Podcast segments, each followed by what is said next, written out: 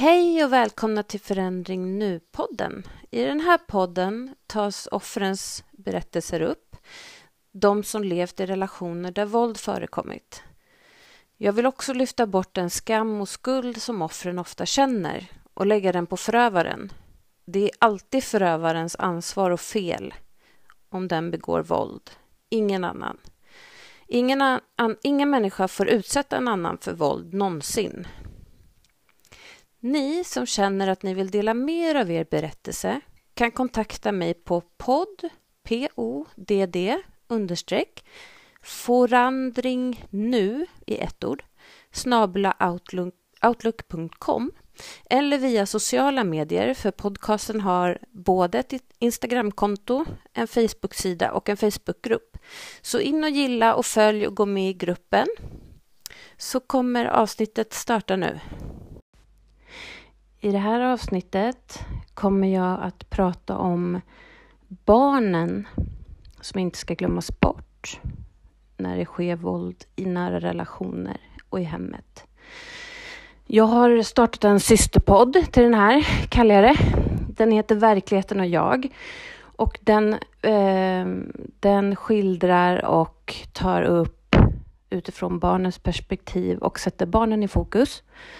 Så det kommer varvas av eh, berättelser som eh, vuxna ungdomar kommer med om deras uppväxt. Eh, varvat med, precis som i, i den här podden, med informationsavsnitt. Där jag då i, i informationsavsnitten som är i den här podcasten kommer ju från vetenskapliga artiklar och liknande som jag hittar och BRIS och, och och eh, Socialstyrelsen och liknande publikationer som har getts ut. Så det är ingenting som jag bara skriver ihop på måfå. Um, ur barnens perspektiv så är det ju lite annorlunda än vad det är för de vuxna.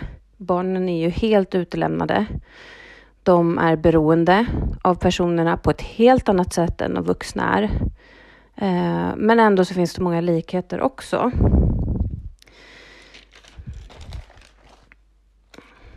Idag så lever det cirka 150 000 barn i ett hem där våld förekommer. Ungefär 10 procent av alla barn i Sverige har någon gång upplevt våld i hemmet. Och 5 procent upplever våld regelbundet och ofta. Det är alltså en av tio barn som levt med det då och då och en av 20 som gör det ofta. Om vi ska fokusera på de som ofta har våld i hemmet så är det cirka ett till två barn i varje skolklass. Och det är mycket, det är för mycket. Och att inte ha en nollvision kring det här med våld i hemmet är för mig helt ofattbart. Jag hoppas verkligen att det kommer en nollvision. I trafiken har man ju en nollvision, att man vill komma till att det blir noll omkomna per år. Eh, man jobbar inte på samma sätt med våld i hemmet. Eh, det finns väl olika skäl till det kanske. Att låta barn bevittna våld i hemmet är tyvärr inte en brottslig handling, men en statlig utredning har föreslagit att den som begår en brottslig handling mot en närstående person ska kunna dömas för barnfridsbrott om brottet, våldet, bevittnas av ett barn och kan skada barnets trygghet.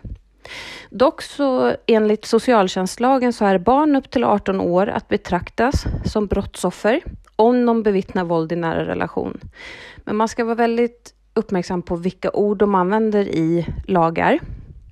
Och det är då att betraktas som brottsoffer och det är inte samma sak som att, är, att barnen är ett brottsoffer tyvärr. Och det betyder då att barnen har rätt till stöd och hjälp. Sedan 2006 har barn också då de bevittnat våld rätt till brottsskadeersättning.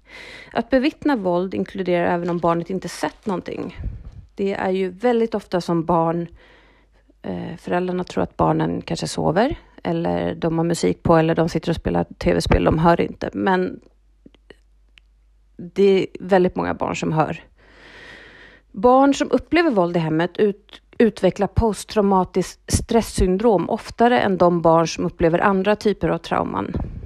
När barn upplever våld i hemmet så är det oftast pappan eller bonuspappan som utövar våld mot mamman.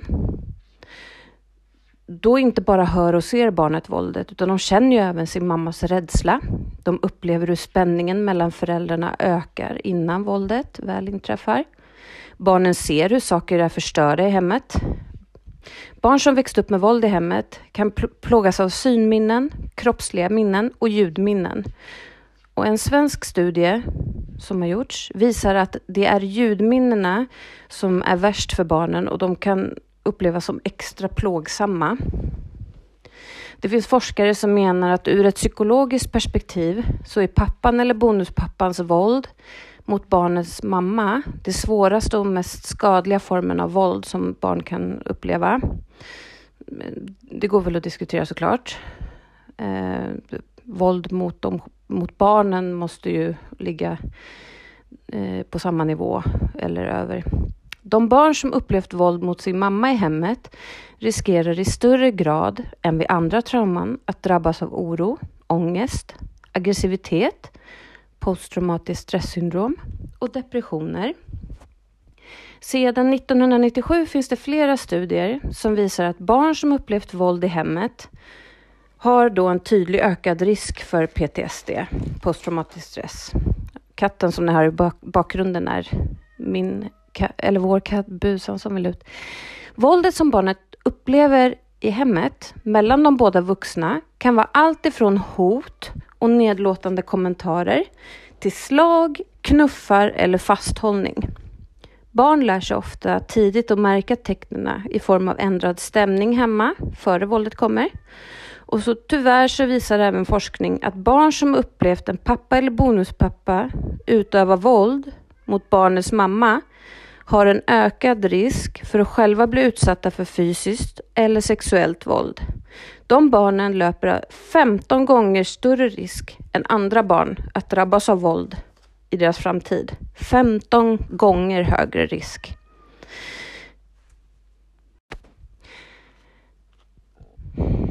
När pappan eller bonuspappan utövar våld eller hot mot mamman så påverkas barnet enormt av det.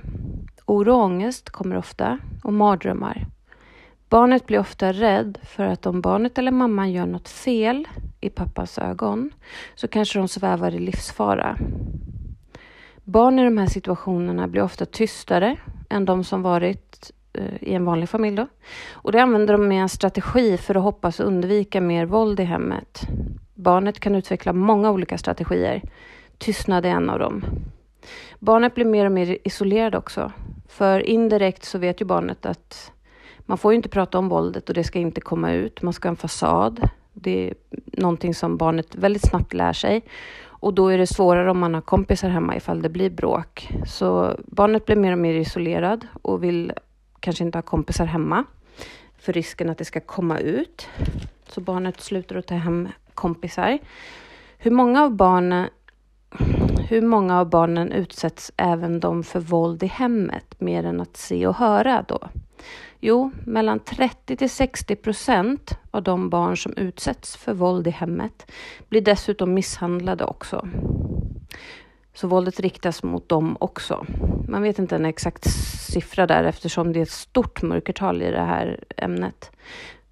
Våldet är likadant som då mamman utsätts. Det kan vara nedlåtande kommentarer, hot, knuffar, direkta slag eller fasthållning. Eller straff. Straff är också någonting som, eh, beroende på såklart vad det är för typ av straff, men eh, det kan också räknas som misshandel. Ofta försöker mamman att skydda barnen från den direkta misshandeln, men det är ju ofta som det inte räcker. Och ofta när det görs utredningar hos socialen där våld har förekommit så fokuseras det på mammans oförmåga att skydda barnet istället för att fokusera all sin energi och tid till att förövaren har gjort fel och vad man kan göra åt det för att skydda barnen. Inte på eh, att mamman har br brustit. Det ska inte vara fokus ett, utan fokus ett ska ju vara den som utövar våldet. Många forskare menar att det sätter enorma sår i barnet om barnets mamma blir utsatt för våld ur ett psykologiskt perspektiv. Barnet kan uppfatta det som ett hot mot hela sin existens, alltså en rädsla för sitt liv. När barn tvingas uppleva den här typen av våld mot en förälder så blir barnet känslomässigt övergivet och skyddslöst. Barn tar också ofta på sig skulden till våldet, vilket är helt fel. Det är alltid den som utövar våldet som är ansvarig, ingen annan. Alltid den som utövar våldet. Det spelar ingen roll vad du gör eller vad du säger, du ska aldrig bli misshandlad. Aldrig någonsin. Det finns inga ursäkter alls för en pappa eller bonuspappa som, som är okej okay att han utsätter mamman för våld. Aldrig. Och självklart inte att kvinnor utsätter män för våld heller, men nu är det en väldigt liten del. Det är nästan dubbelt så vanligt att bonuspappor utövar våld mot mamman kontra att det är pappan som utövar våld mot mamman. Barnen har ofta svårt just att bearbeta ljudminnena efter våld. De minnena verkar vara de som sitter djupast hos barnen och det kan då i sin tur under väldigt lång tid efteråt kan barnet reagera på höga ljud eller eh, smällar, eller, alltså som inte smällar slag utan eh, om man tappar något i marken eller någon ska kasta en boll mot en så kan man reagera. Det finns väldigt många sådana tillfällen där barnet kan reagera på grund av ljuden. Och det är jätteviktigt att som vuxen nära ett barn som man misstänker utsätts för våld i hemmet får hjälp och stöd. Och hur man kan hjälpa kommer jag ta upp i ett avsnitt framöver. Så tack så mycket för att ni lyssnade. Jag kommer ta upp mer kring barnens, eh, hur barnen eh, påverkas av våld i, i nära relation. Men eh, för nu så är det här avsnittet slut. Tack!